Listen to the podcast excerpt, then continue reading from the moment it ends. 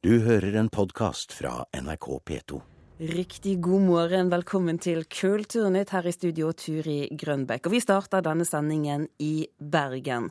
Bergensdialekten er som hjertet i bergensernes identitet, og denne dialekten står sterkere enn noen gang. Og nå sprer den seg også fort til omlandet rundt byen.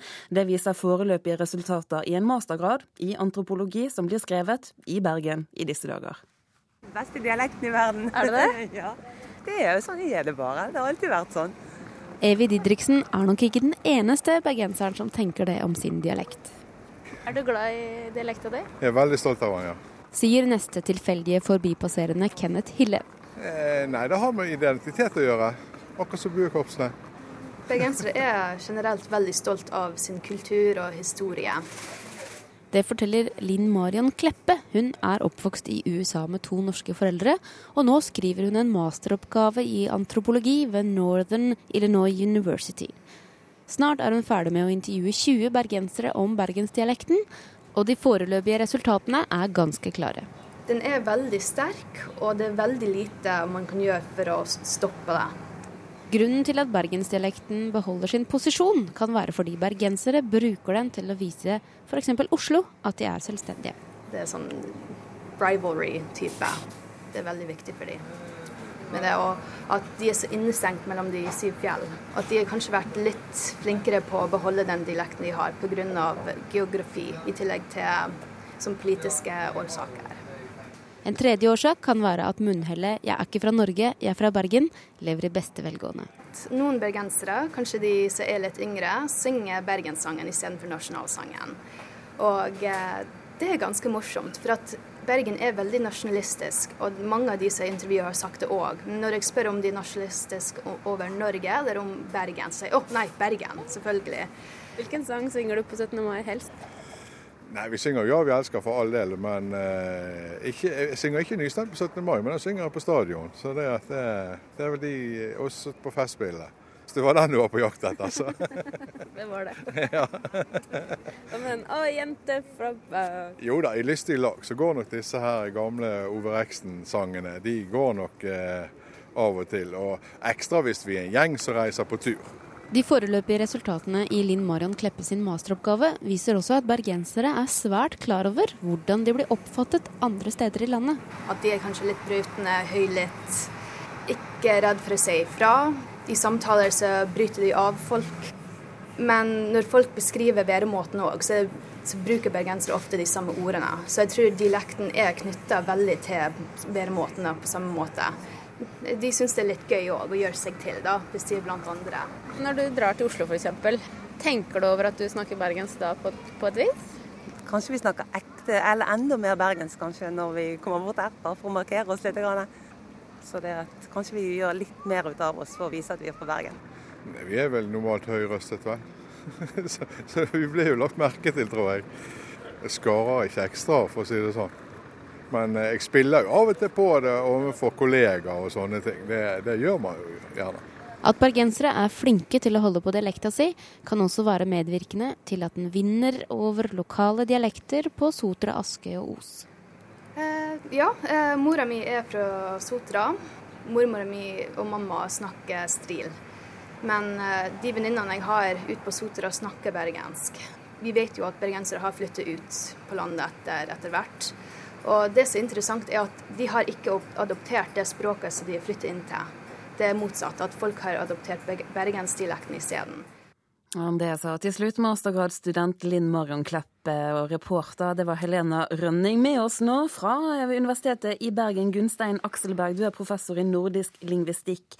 I hva slags grad mener du at bergensdialekten sprer seg til omliggende områder? Eh, på litt ulik måte. Eh, på den ene måten så er det riktig det som ble sagt i denne eh, reportasjen her, da, at eh, bergensdialekten sprer seg til omlandet, altså Askøy, Sotra og mot Os. Og for så vidt Arna. Men eh, spørsmålet er på hva måte. Det ene er jo det at dialekten er på flyttefot, det andre er jo at bergensere er på flyttefot. Og ofte så er det nok bergensere som har vært på flyttefot, og ikke dialekten. F.eks. til Askøy og eh, Sotra. og delvis òg mot Os. Hvis vi ser dette i et større perspektiv, så er det nok ikke slik at dialekten i Bergen, altså bergensk talemålet, sprer seg så veldig mye. Det skal ikke så veldig langt ut, så står de lokale dialektene veldig sterkt. Dette har sammenheng med at den bergenske dialekten i hundrevis av år har vært nokså konsentrert til det bergenske sentrum. Og er det på langt vei i dag òg, selv om det har spredt seg til disse områdene som jeg nevner. Men, men altså det at bergensere da flytter ut, men ikke de adopterer dialekten dit de kommer, hvorfor er det slik? Det er fordi det er så mange bergensere som flytter ut. Se på Asker f.eks. Det er mange del, eh, bergensere som bor der og pendler til Bergen, og samme på Sotra. Og eh, når du har et område med si, liten befolkning i forhold til den store tilflyttinga, så blir det nok slik at det er den tilflyttende dialekten som eh, får fotfeste, og ikke den lokale. Men altså, dialekt, hva vil du si at det betyr for identiteten til folk? Veldig mye. Og det som ble sagt på, uh, i denne reportasjen her, det stemmer jo veldig godt. Uh, og jeg tror nok at uh, her på Vestlandet så er den lokale dialekten en veldig viktig del av identiteten. Ser vi det på Østlandet, f.eks. indre Oslofjord-området, så er nok situasjonen litt forskjellig kanskje, fordi at der har en større grad det en kaller for dialektal regionalisering. Og det betyr da at trekk som kanskje opphavlig da var knyttet til Oslo eller sentrale området innst i Oslofjorden, det sprer seg utover, og trekk som var mindre dominante, de blir færre. Mens derimot her på Vestlandet så har en mye, mye mindre av akkurat det fenomenet. Hvorfor er det slik? Det har vel sikkert noe med at uh, Oslo er hovedstaden i dag. Og hvis vi ser på samme fenomen i Danmark, de har veldig sterk grad av regionalisering.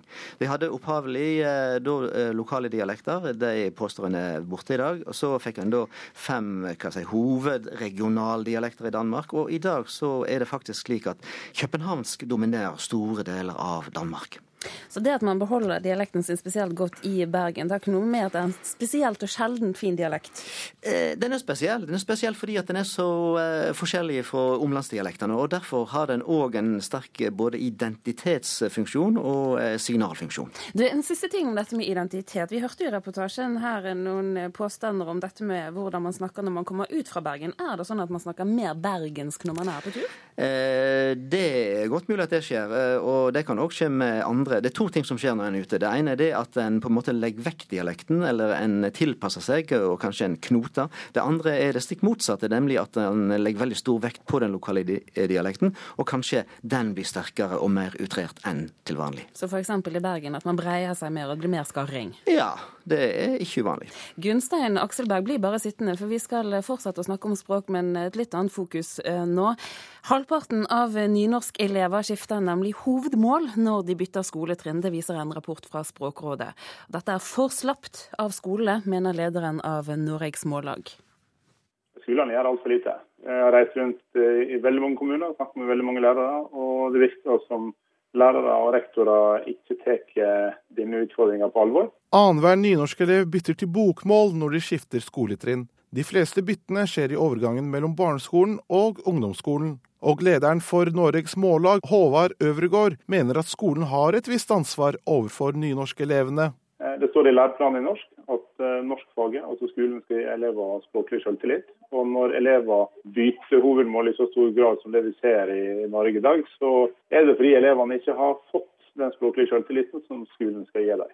Det er først og fremst i områder hvor det tradisjonelt sett ikke brukes nynorsk, hvor nedgangen er størst. Plassering av videregående skoler og innflytting til byene er noen av årsakene til frafallet i nynorsk, forteller Arnfinn Murevik Vonen, som er direktør i Språkrådet. Eh, det har nok sannsynligvis noe å gjøre med at eh, de elevene ser mye bokmål rundt seg, og at eh, de tilsvarende da ikke ser så mye nynorsk, og nynorsk kanskje da oppleves ikke som så relevant. Det kan også ha noe å gjøre med hvor den videregående skolen er, er plassert. Altså i løpet av skoleløpet, spesielt når du går over fra ungdomsskolen til videregående, eh, så flytter du gjerne skolested, da.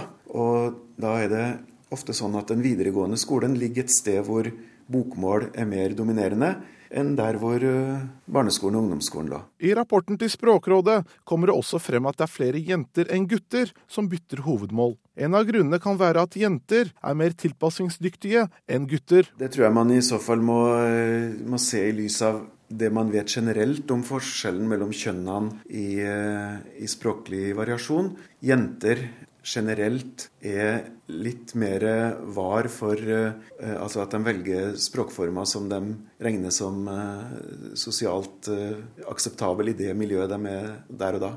Nynorskforfatter Maria Parr sier at hun forstår ungdom som bytter hovedmål, siden populærkulturen stort sett er på bokmål, og hun etterlyser også mer nynorsk i mediene. Jeg syns er veldig trist at ikke aviser som VG og Dagbladet slipper til nynorsk på redaksjonell plass. Jeg tror det, altså denne her helt vanlige bruken av nynorsk i, rundt oss, det er det som hadde hjulpet. Det har med interesse å gjøre, det har med, med bruk på en måte.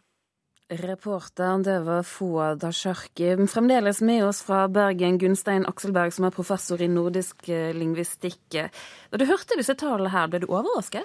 Nei, på en måte ikke. Det ble jo lagt fram her i Hordaland eh, for ikke lenge siden. Det var tilsvarende statistikk. Nå viste det seg det at eh, den var ikke korrekt. Så fylkesordføreren i Hordaland han har gått ut med den informasjonen om at dette skulle oppdateres. Og den var ikke så galen som det opprinnelig var sagt, men det har ikke kommet noe korrektiv enda her. Men tendensen er jo klar? Tendensen er der, ja absolutt. Og det som ble sagt her med, med flytting eh, betyr veldig mye. Og dette med at en da får eh, kanskje nærere kontakt med bokmålet og en sentral plass betyr noe.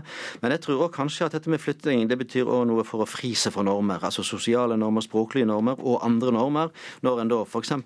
Eh, skal bo på hybel eller internat eller flytte en lengre strekning med pendling. Hvordan da, tenker du? Nei, fordi at da vil en kanskje ja, altså fri seg litt fra lokalmiljø og uh, familie, sosiale normer eh, i eh, der en er voksen opp. Og så ja, være litt mer fri. Det er vel noe en finner både overgangen til ungdomsskole og ikke minst til gymnas. Men for nynorsken, da? Hva betyr dette? Eh, det er jo eh, uheldig med tanke på rekruttering. Men samtidig så tror jeg nok det at vi skal se litt på den plassen nynorsken har i samfunnet vårt i dag. Fordi at eh, jeg syns nok det at nynorsk har vel aldri hatt den plassen som den har i dag i det offentlige rommet.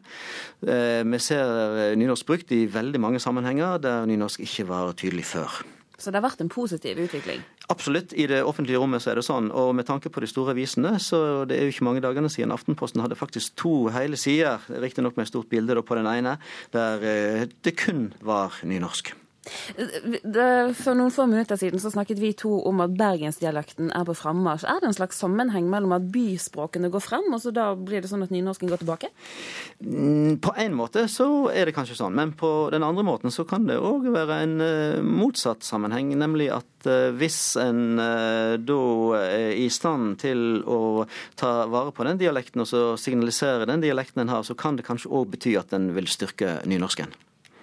Vi hørte Maria Parr her bl.a. utfordre mediene, og si, sa også noe om at det er for lite nynorsk i popkulturen. Mm. Hva tror du kan gjøres? Eh, det har vel noe med tendens i popkulturen. Jeg så jo akkurat nå da, at eh, f.eks. Eh, Hellbillies eh, nå skal lage sin første plate på engelsk. Eh, og det er jo en ny trend. Ellers har jo trenden nå i det siste vært det motsatte. At eh, norske artister bruker ikke bare norsk, men i stor grad dialekt. Så hvis vi skal se fremover, velger du å være optimist eller pessimist på nynorskens vegne? Nei, jeg er absolutt eh, optimist. Det har vært lenge, og det er fremdeles. Så jeg er ikke redd for nynorsken eh, i framtida. Og eh, dette med at den er så sterk i det offentlige rom, og i kulturen, ikke minst i popkulturen, det er et godt tegn. Gunstein Akselberg, takk for at du var med oss her i Kulturnytt. Og Blir du med oss videre her i Kulturnytt, så skal vi straks snakke om ferielitteratur, men aller først nå. Det er en klar økning i hvor ofte arbeidsgivere sjekker hva arbeidstakere foretar seg på sosiale medier. LO får inn flere og flere klagesaker fra folk som opplever at ting som er skrevet på Facebook, blir brukt mot dem i jobbsammenheng. Og det fører til konflikter mellom sjef og ansatt. Der et medlem eh, har vært kommet i uoverensstemmelser med en kollega og uttrykt seg veldig klart på det på Facebook.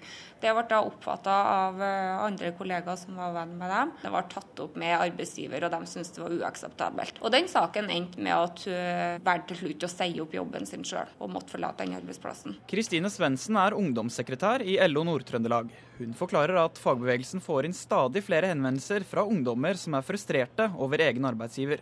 Mange opplever å bli konfrontert med hva de har skrevet på Facebook. Det har vært eh, en del tilfeller hvor, hvor det har vært publisert eksempler på at arbeidsgivere har sjekka opp ansatte og hva de har gjort f.eks. i perioder hvor de har vært syke på Facebook, hvor det har vært ikke helt samsvar mellom hva de har sagt på jobben og hva de da har sagt til sine venner på Facebook. Arne Krokan er professor i sosiologi på NTNU i Trondheim og underviser om sosiale medier i offentlig sektor. Han kan se en generell økning i at arbeidsgivere tar i bruk sosiale medier for å finne ut mer om ansatte. Krokan mener det kan være flere problemer med dette. Å trekke skille mellom hva som er offentlig og hva som er privat. og Derfor er det heller på en måte ikke, ikke så lett å si noe om hva man som arbeidsgiver bør gjøre og ikke bør gjøre. Og Da tenker jeg ikke på hva man har anledning til å gjøre i forhold til loven, men i forhold til, til den mer etiske siden av saken. Jeg har gjort det én gang, og da sjekka jeg Jeg kjente igjen navnet, så jeg måtte sjekke hvem det var. Men ellers så har jeg ikke sjekka andre ansatte, nei. Det har jeg ikke gjort. Guri Viken Ronderstvedt er daglig leder på Bjørklund i Steinkjer. Hun bruker ikke Facebook for å finne ut mer om nye jobbsøkere før intervju. Kristine Svendsen i LO sier at dette blir mer og mer vanlig, men at visse ting ikke er greit. Hvis det går på ting som vi ikke aksepterer, at de sjekker opp religion, livssyn, det om de er gravid eller tenker å bli gravid, eller eh, seksuell legning gjennom Facebook-profil, og ikke velger å ta inn dem til intervju, så er jo det selvfølgelig veldig uheldig. Svendsen snakker ofte med ungdommer om rettigheter og plikter i arbeidslivet. Hun kommer med en klar oppfordring til de som skal søke jobb, og de som allerede er i arbeid. Tenk dere om. Tenk dere veldig godt om. Sosiale medier har vel kommet for å bli, og eh, spesielt uh, ungdom.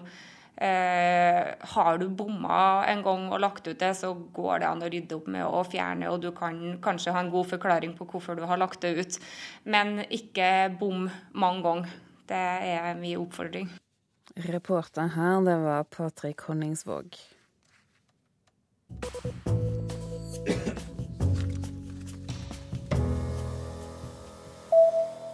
Arrangørene av Eurovision Song Contest avviser anklager om rasisme i konkurransen, det melder BBC.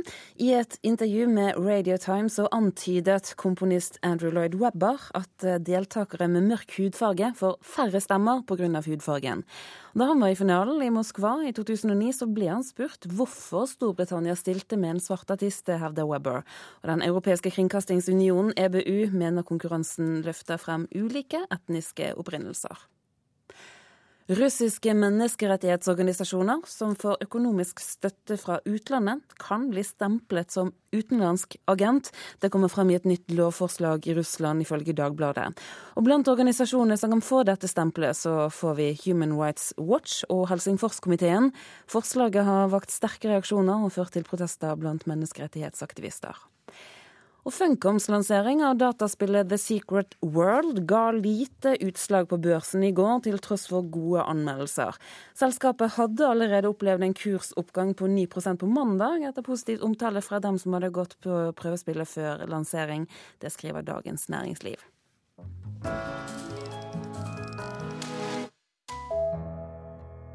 Mens eh, begynnelsen av juli nå, mange opplever sommeren som en periode der en faktisk har tid til å lese bøker, så de neste ukene så snakker vi i Kulturnytt om hva vi kan, eller skal, eller vil, eller bør lese i sommer.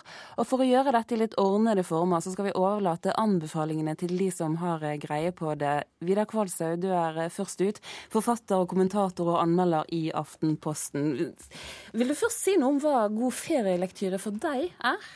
Ja, jeg har gjort litt research i um, sosiale medier og funnet ut at det egentlig er eh, tre forskjellige ting som må til for at det skal bli en god sommerbok. Og eh, du kan jo bare ta ordet eh, bok, og så kan du sette på sommerbok, og så hører du at det er et helt annet ord. Det er fylt med forventning, og det er, det er fylt med en sånn, eh, en sånn, glede over at det er sommer, og at du skal lese på helt andre steder. Og kanskje helt andre ting enn det du gjør nå. Bare positivt ladet, dette her? Ja, det er egentlig bare positivt lada. Kanskje, kanskje, du har spart opp en bok. Det er én kategori. Man har spart opp noe og tenkt at dette er bra, dette venter jeg med. Eller så er det den perlen du rasker med deg fra flyplassen like før flyet går, som viser seg å være en god bok. Eller så er det en klassiker, eller så er det noe sånn som jeg har her, noe som er helt nytt, som du har liksom fått i hånda. Hvis du kan høre bladinga her, så er jeg sånn cirka midt i, og det er 400 sider og fortsatt litt sommer igjen. Hva, men hva er det du har der? Jo, dette er en helt ny bok av en Pulitzer-prisvinner. Eh, Den heter 'Formål ekteskap', og det er Jeffrey Eugenius som har skrevet en bok. Og den ser litt sånn uinntagelig ut, men det er en ring på forsiden. Og så mm. handler den om eh, et college-miljø på 80-tallet der alle har veldig romantiske drømmer og, og, og lever omtrent som i de bøkene de leser, som er fra 1880-tallet. Så dette er en bok om kjærlighet, om studenter, om eh, personlig utvikling og litt eh, hva skal jeg si, ungdommelige vanskeligheter. Veldig meddrivende, og det skal jo en sommerbok være.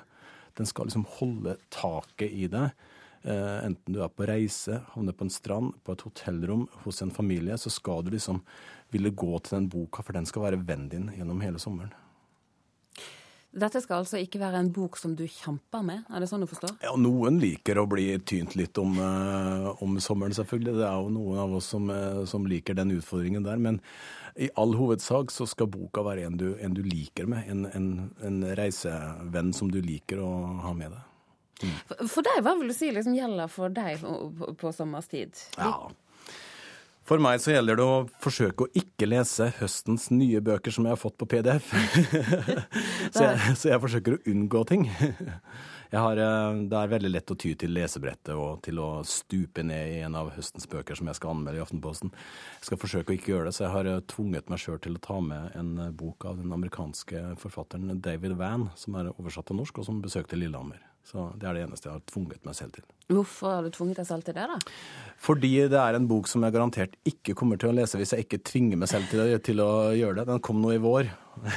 Det var en ganske blodfattig norsk, eh, norsk bok vår, dette her. Så jeg har liksom valgt å fokusere litt på de Akkurat det med bokvåren har jeg lyst til å gripe litt tak i. For Mm. altså, hvis Den norske våren var litt fattig, men generelt sett er det noe å gripe fatt i der? Når sommeren nå eh, er midt er her? Ja, den var litt blodfattig, som jeg sa, så jeg har egentlig grepet tak i to oversettelser. Blant annet den der eh, Jeffrey Eugenius. Det var en veldig god bok. Eh, En annen bok som jeg syns alle burde lese, som, er, som drypper av svette, av intensitet og av Afrika.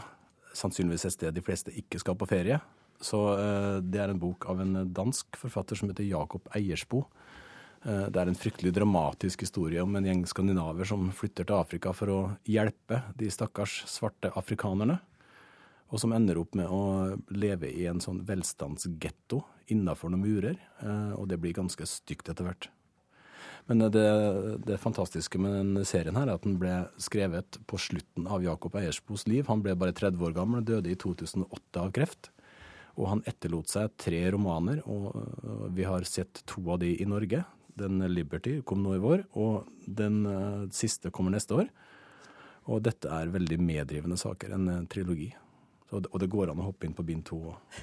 Det er helt fantastisk. Eh, Vi, I starten i innledningen her så nevnte vi dette med, med klassikere. Hva Mm. slags klassikere er det som kanskje kan, bør, skal være på listen nå med sommeren? Ja, mange har nok dette verdensbiblioteket, men jeg vil trekke fram en norsk klassiker. da. Jeg vil trekke fram en bok fra 1935, og det er Sigurd Hoel. Og den har en aldeles nydelig tittel. Den heter '14 dager før frostnettene'. Og når jeg får sånne titler, så blir jeg litt sånn der Da smelter jeg jo sjøl om det ikke er sol, altså. Det er en ganske uhyggelig affære, fordi, eh, og jeg tror den treffer det som eh, mange opplever hver eneste sommer, at når man først får tid til å sette seg ned og tenke, så kan tankene gå alle veier.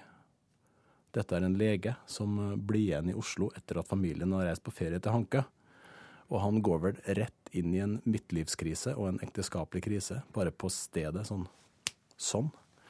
Doktor Holmen, eh, og det går ikke så veldig bra med ham. Det blir et trekantdrama, og det foregår delvis i et sommervarmt Oslo og delvis på vei til Hankø. Så dette er en ordentlig sånn, sånn sommerferiebok også. Den handler om en sommerferie som ikke er som alle andre ferier. Og har altså holdt seg siden 1935. Det har den. Eh, Vidar Kvalsøy, takk for at du kom hit til Kulturnytt og hjalp oss litt videre når det gjelder eh, hva man kan eller skal lese i sommer. Dette er altså noe vi fortsetter med de neste ukene her i NRK P2 på morgenen. Kulturnytt i dag var laget av produsent Espen Alnes. Det tekniske ansvaret har eh, Hanne Lunås hatt, og her i studio Turi Grønbekk. Du har hørt en podkast fra NRK P2.